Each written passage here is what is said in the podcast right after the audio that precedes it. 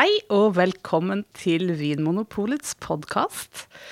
Eh, I studio i dag så sitter altså Anna Stuland. Jeg heter Anna Engrav, og vi har en gjest. Alexander Michaelsen. Du er produktsjef med ansvar for bl.a.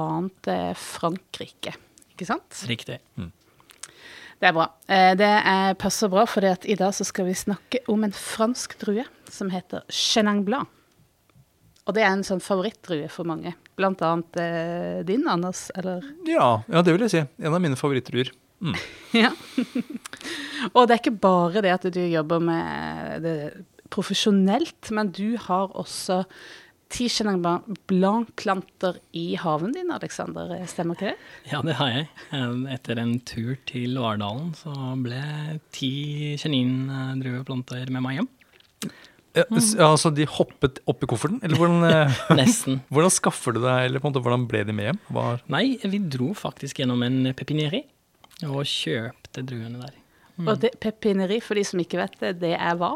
Det er et, eh, rett og slett et, eh, et senter hvor du kan kjøpe drueplanter. Ja. Uh, Og de har uh, alle drueplantene så å si i appellasjonen, stort sett. Og mange kloner av samme drueplante. og da, da kjøper du det som sånne små Stikker. kvister Ja. som du bare da dytter ned i jorda. Riktig. Ja. Hvordan går det med disse eh, ti plantene? De sliter litt. Eh, De, de hadde det veldig fint første vinteren, men nå er de, er, de sliter litt, rett og slett. Ja, og nå er de i ferd med å gå inn i vinter nummer to. Riktig, de går Ja. i dvalen igjen. Men Så får vi blitt- se neste år. Har de fått noen druer ennå? Nei, ingen druer. Nei, så de har ikke helt kommet til puberteten. Nei. Nei. Det tar eh, sånn ca. tre år før man får druer på en plante. Ja, det blir spennende. Men av alle drueplanter du kunne kjøpe, hvorfor ble det Chenin Blanc? Ja, det er et godt spørsmål. Jeg ble rett og slett eh, fascinert av eh, druen på den turen til Loire. eh, og forelsket i Chenin Blanc. eh, og da måtte jeg ha med meg noen planter. Jeg har ti andre chardonnay-planter. som ble med på en tur Fra et tidligere forhold. fra en tur til Jura. Um, så de har et godt selskap. Å, det er bra. Men ja, hva er det med Jeanne Blanc som du, du, eh, som du blir fascinert av, da? Eller forelsket i? Ja, det er den, kanskje den kapasiteten av å eh, vise mineralitet, altså jordsmonnstypen fra området. Så elsker jeg steinfrukt, og for meg Chenin Blanc er et drue som viser utrolig flott, pur steinfrukt på duften. Steinfrukt, hva, er- hva, hva, er det for? Er det sånn som aprikos og fersken og sånn? Krede er Steinfrukt er ikke krede. uh, tenker aprikos og fersken i utgangspunktet, ja. Ja, nettopp. Du liker det litt sånn mer modne, modne frukten. Ja. Jeg håper du får til det her i Norge òg, men, Ja, lykke, lykke til! ja men eh, eh, sånn, den kjendisstatusen til Chenin Blanc, for det må jo sies å være en eh, sånn berømt drue, tross alt, eh, eh, det har jo den oppnådd i Loiredalen, ikke sant? Riktig. Selv om det fins jo nå etter hvert da, også andre steder. Ja, det fins mer Chenin Blanc i Sør-Afrika og i California enn det fins i Loardalen. Så uh, uten tvil fins Det fins i minst 22 forskjellige land. Mm. Mm. Ja, for det er jo litt rart da når jeg hører om det. Fordi Loire og noen av disse områdene i Loire, det er jo de som er kjent for å lage hvitvin og musserende vin basert på Chenin Mm. Og da er det jo litt overraskende å høre at det fins så mye ellers i verden. Hva er det, men hvorfor, hvorfor hører vi så lite om Chenin fra andre land enn Frankrike? Ja, kanskje fordi i Frankrike så er de søte vinene på Chenin som er de mest kjente, fra Cote de Leon og Croix de Charles. Uh, mens i de siste årene så har Savignier uh, med de tørre og veldig komplekse vinene uh, kommet litt lenger frem. Ja. Og vi hører litt mer om de. Mm. Ja, så det er eh, blitt en sånn Sånn som jeg oppfatter det også, tenker jeg at eh, eh, Chenin Blanc det er blitt en sånn drue som uh, vingeeks er veldig opptatt av. Fordi, jeg tenker det har noe med den der eh, som du var inne på, så den, det er utrolig spennende, da. I stiler og, Og det at det, det, det byr på så mye forskjellig eh, Mm. i sensoriske uttrykk. Ja, enig. Ja. Hva er det som eh, du liker, Anders, ved drua? Uh, jo, uh, jeg liker jo det at uh, en god Chenin Blanc for meg er litt småskitten. Litt sånn litt dirty. Den har på en måte litt skeive tenner. Og det er noe på en måte som også gjør en personlighet, da, som um, kan være Som kanskje kan også oppfattes som litt forstyrrende for noen. Hvordan smaker en vin med skeive tenner? Ja, nei um, eh, Når jeg lukker øynene mine nå og også tenker på en god Chanel Blanc, så er det jo eh, en sånn fruktighet som ikke er så veldig veldig tydelig. Det er ikke så lett å plukke ut hvilken type frukt det er snakk om. Det er mer en sånn, sånn rotete eh, fruktsalat av god, god moden frukt. Og så er det drysset over litt krydder og noen hint av nesten sånn jordlig og soppaktig som ligger i, i bunnen. Så det er den der kombinasjonen av det litt sånn uryddige fruktpreget og det der litt sånn jordlige og krydra som, eh, som jeg liker. Og det er vel kanskje det der, dette jordlige og soppaktige som er det skitne for meg. Ja, det er litt sånn mystiske. Ja, litt Det er noe mer enn en sånn ren, polert frukt. Det er noe å grave litt i. Ja. Men den har jo hatt et eh, litt dårlig rykte også, denne skitne lille drua. som, og det er på grunn av noen aromaer som kanskje eh, ikke er så tiltalende. Jeg tenker på eh, et stikkord møllkule. Ja, Ja. Naftalin, eh, Ja. vått ull-preget. Ja, altså For våt ull er jo ikke så veldig deilig. Ja, nei. Nei Et ikke. hint kan jeg tolerere. Ja. Ja. Hvert fall hvis du vet at det er Chenin Blanc. Ja. ja, for det har vært for meg en sånn knagg at hvis jeg kjenner preget av eh, møllkule eller våt ull, så tenker jeg at ja, dette her lukter og smaker som en Chenin Blanc. Ja.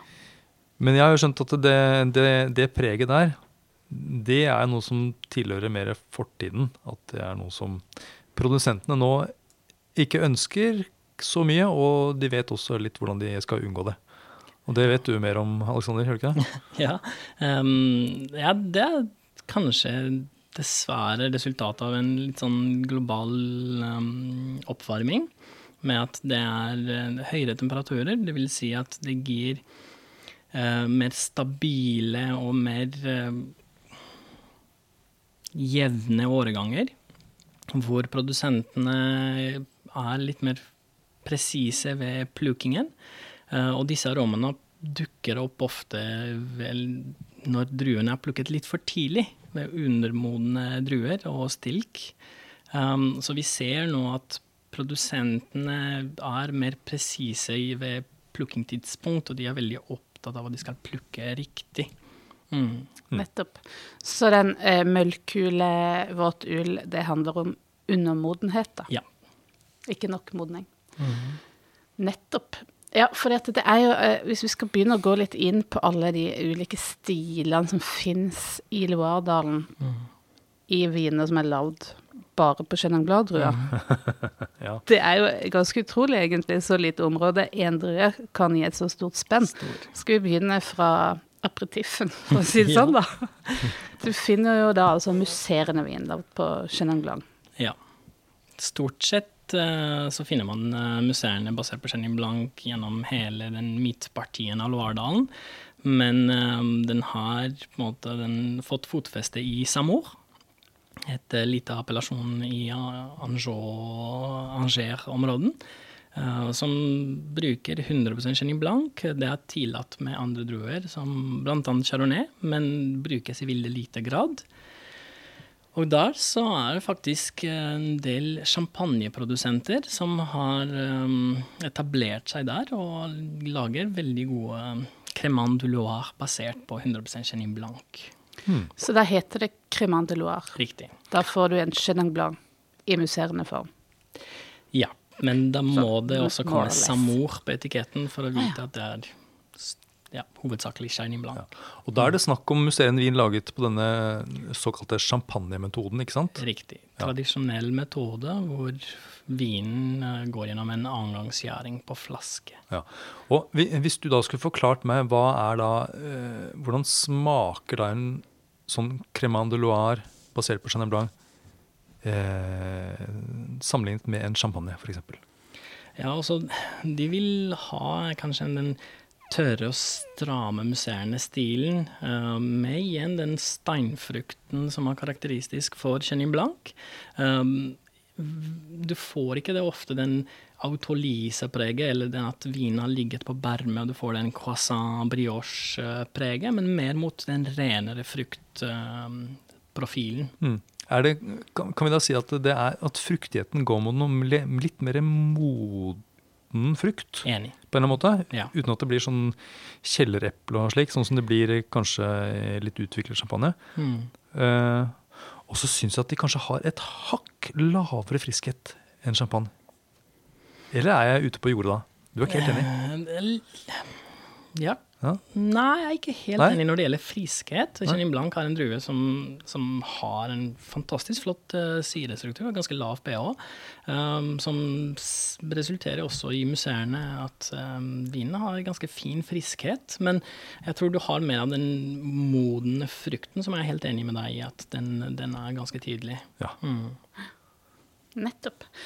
Eh, så det var altså det musserende. Og så har du jo da eh, tørr hvitvin. Eh, men det er jo ikke bare tørr hvitvin. Ja, for nå har vi det- kommet til forretten. Jeg likte den der, at vi starter med aperitiffen. At vi nå på en måte mm, jobber oss gjennom med middag, Ja. men at vi bare skal drikke Chenin Blanc. Ja. Det syns jeg var en morsom, eh, et morsomt konsept. Og, da, eh, og da hvis vi da skal eh, til første tørre hvitvin, Mhm. da skal man kanskje Hvor er det man skal leite da for å finne en, en den første, liksom sånn- Anjou. Anjou. Ja. Da vil jeg reise til Anjou. Ja. Uten tvil.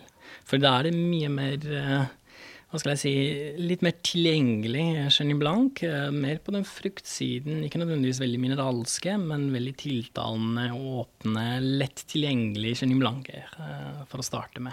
Mm. Og de er helt tørre, og som du sier, en, en bra eh, syre eller friskhet i vin. Ja. Fruktig. Men så er det jo også eh, en tradisjon i Loire for å bruke For å la drua modne så mye at du får et lite angrep på det som heter sånn edelråte, eller botrytis. Mm. Som også faktisk brukes i de tørre vinene. Hvordan påvirker det vinen?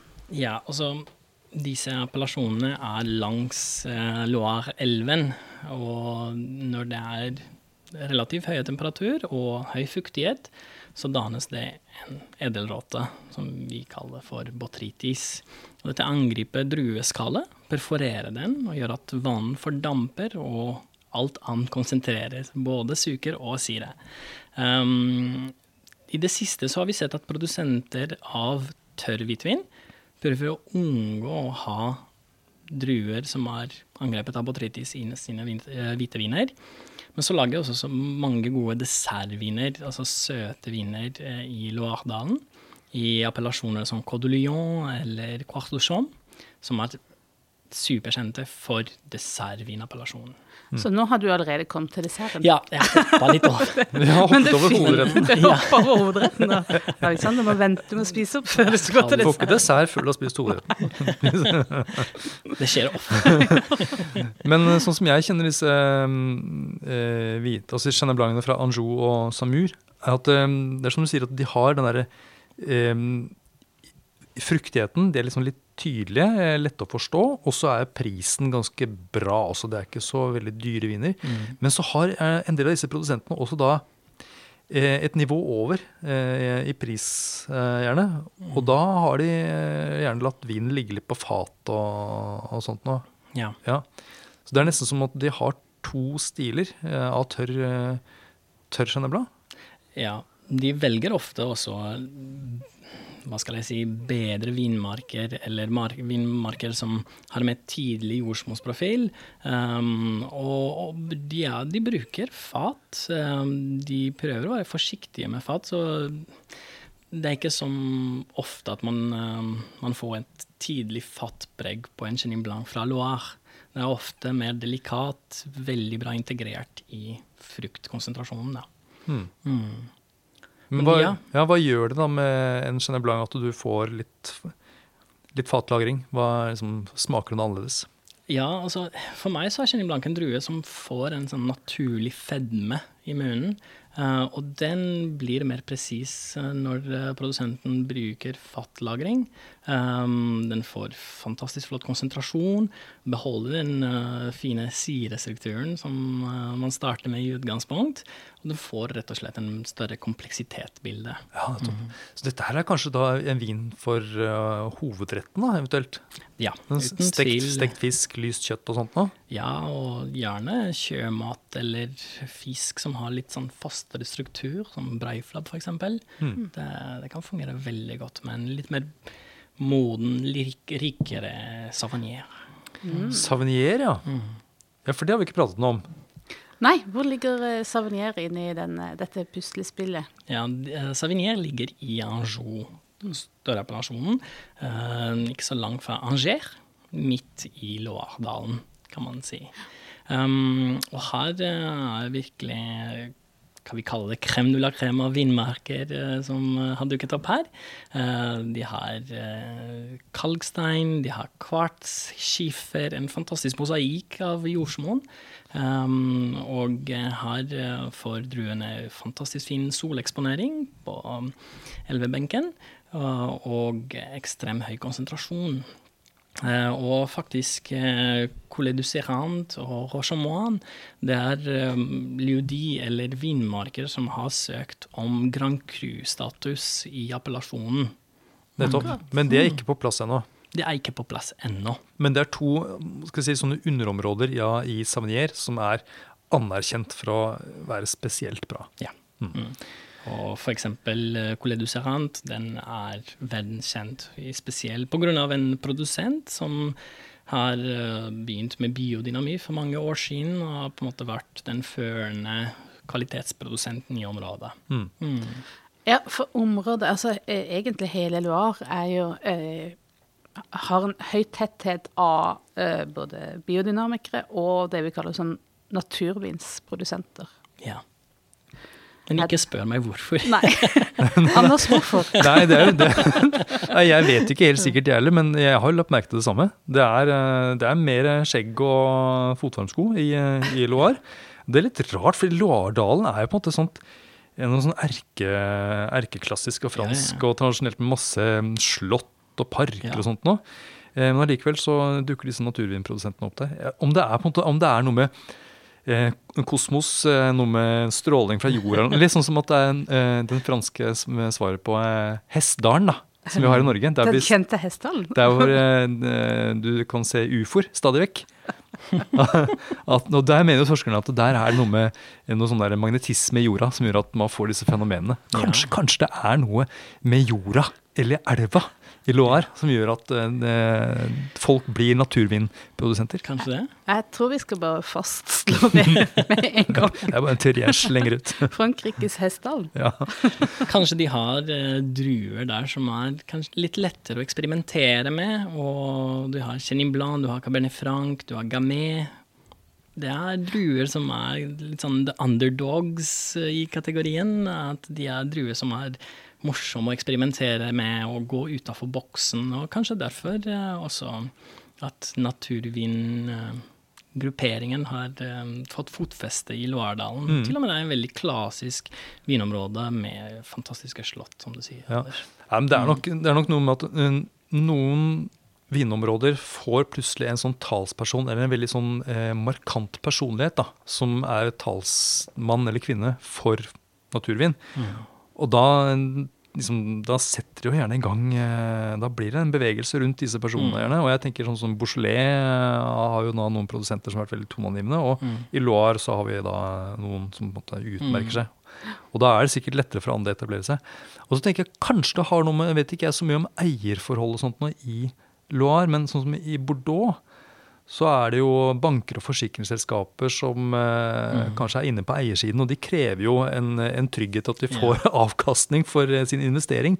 Men det er klart, eh, er det bare privatpersoner som eier, eh, og de ikke har investert så mye penger, så er, tør du kanskje å løpe denne risikoen, da, Ja, som det er å være naturimprodusent. sikkert. Ja. Og Loardalen er preget av små produsenter. Små domener, eh, alt fra tre til seks hektar, det er nesten regnet som et stor produsent. Så mm, en drøss av små produsenter som ja, kanskje tør, å gå litt utafor boksen oftere enn de store, etablerte Ja. De har ikke så mye på spill, kanskje, sånn rykte eller økonomisk sett. Men også Savnier, denne lille indrefileten, eh, som da du sa at den ligger på sånn eh, en eh, elvebank, eller på en måte den ligger nesten som et en platå eller nivå Ja. over elven, liksom. Mm. Um, det er jo et område som var De var sånn tidlig kjent for å lage tørrskjenne blad. Ja.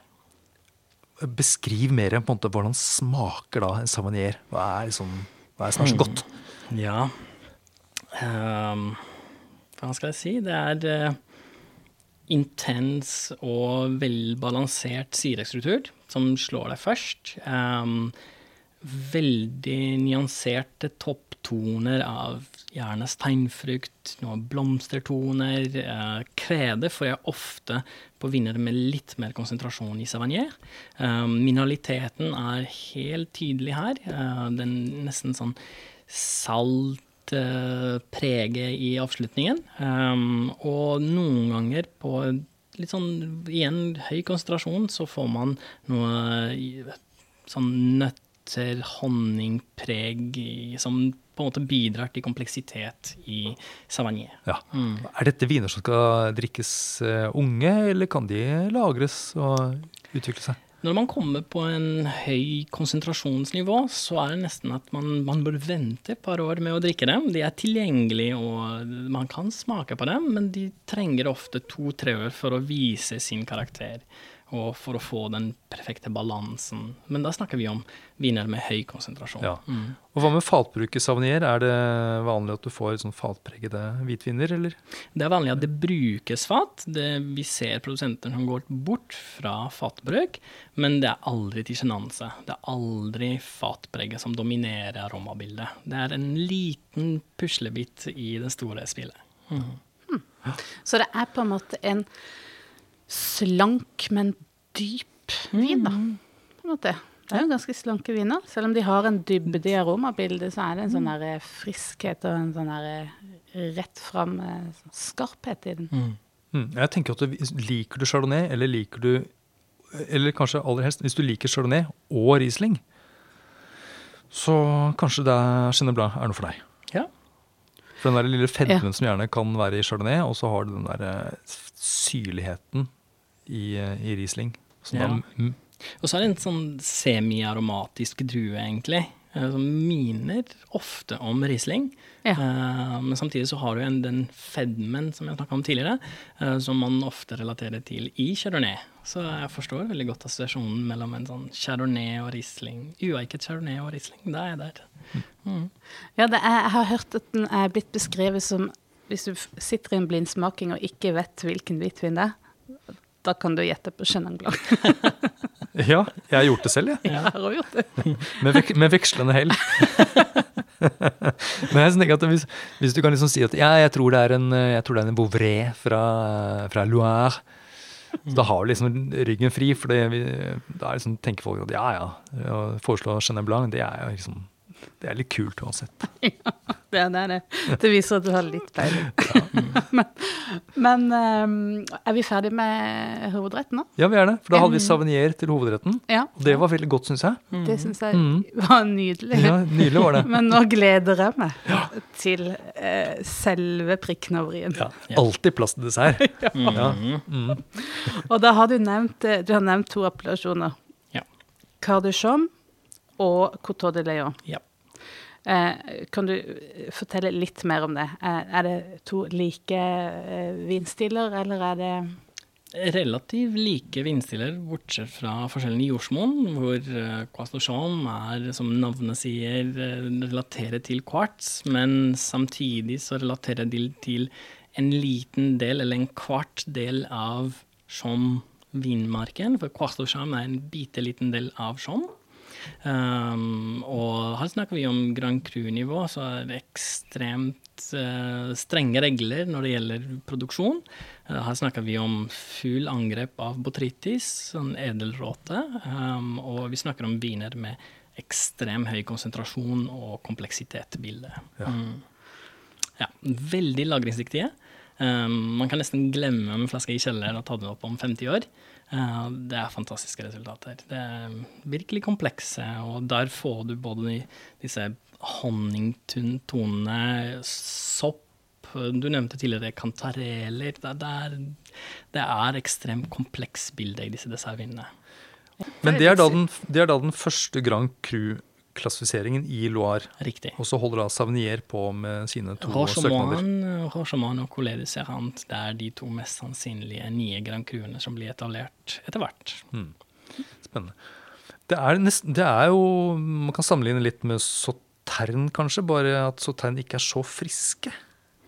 Er ja. Det, ja? Mm, her har vi Chenin Blanc med høy syre. De har uh, Isotan, uh, jobber de med Semillon og Sauvignon Blanc. Stort sett Semillon, men uh, Sauvignon Blanc er også tillatt og brukt. Uh, hvor du har ja, kanskje litt, litt mindre friskhet og mer mot litt tropisk frukt. Mens her så syns jeg for ofte at jeg får de nesten tørket frukt, men da snakker vi om den steinfrukten og kreden som jeg er tilbake til ja. hver gang. men hva slags dessert skal vi spise dette her, da? Oh, altså, fordelen med disse er jo den der friskheten. Mm. Så det her passer det jo også til desserter med litt friskhet. Jeg mener jeg har hatt det til noen sånne eh, pasjonsfruktdesserter. Mm. En liten panna cotta, kanskje. Mm. Hvis den er litt utviklet, så tar jeg gjerne en god eplekake til, kjenner jeg. Mm, det kunne jeg godt tenkt meg. Og jeg går ikke av veien for å ta litt ost også. Blåmuggost, ja. f.eks. Ja. Passer fantastisk til det. Det er ikke dumt. Den er vel ganske bankers. Mm. Passer til mange forskjellige desserter, og passer veldig godt by itself. Altså, ja. ja. Det er, det er egentlig en dessert i seg sjøl. Kan bare smøre den på fortennene. ja. Så sitter den til dagen etter.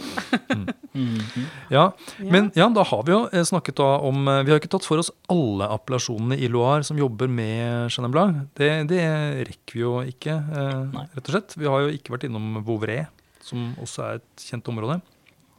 Eh, og også, uten tvil verdt å nevne. Ja. Mm. Eh, og så har vi ikke snakket så mye om Sør-Afrika, som lager mye Chenin Blanc. Eller sten, som det heter. Eller sten, som heter ja. Mm. Og heller ikke så mye om California, som da har dobbelt så mye Chenin Blanc. Men det er jo ikke så rart, tenker jeg, at det er liksom Loire-appellasjonene som er kjent for Chenin Blanc. Fordi disse Chenin Blancene som kommer fra California eller Sør-Afrika, de heter jo ikke noe med stedet. De bare er liksom, det er bare druenavnet, og så at de kommer fra Sør-Afrika, f.eks. Mm. Det, det, er liksom Blanc fra Frankrike har en adresse. Ja. Den kommer fra, kommer fra, et sted, og det har kanskje hjulpet dem litt. Litt sånn som mm. at Sancerre er Sauvignon Blanc fra et sted i Frankrike. Mens ja. Sauvignon Blanc fra New Zealand er ja, nå er jeg kanskje litt, Det er litt kjipt ja. å si det sånn, men det er ja. Ja, men franskmennene er flinke på det. Å koble liksom drue, sted og uh, produkt. Og ta eierskap til det Da. Mm -hmm. ja. Men også, mm, man skal nevne Svartland og Chenin Blanc. Der har man uh, veldig gamle vindstokker og de produsentene som er flinke å plukke litt tidligere. Og få ikke den høye alkohol, høy modenheten i vinene, så kommer det fantastiske resultater derfra. Mm. Ja. Helt enig. Og kanskje så kommer det snart noe fra din hage òg. Det får vi se. Om 10-15 år. Kanskje. Ikke det hele. Ja, men takk for at du ville være med oss, Aleksander. Det var Stor glede. klarende. Takk. Ha det bra. Takk for at du hører på Vinmonopolets podkast. Har du forslag til et tema i podkasten? Send mail til podkast at vinmonopolet.no. I tillegg svarer kundesenteret deg på e-post, chat og telefon.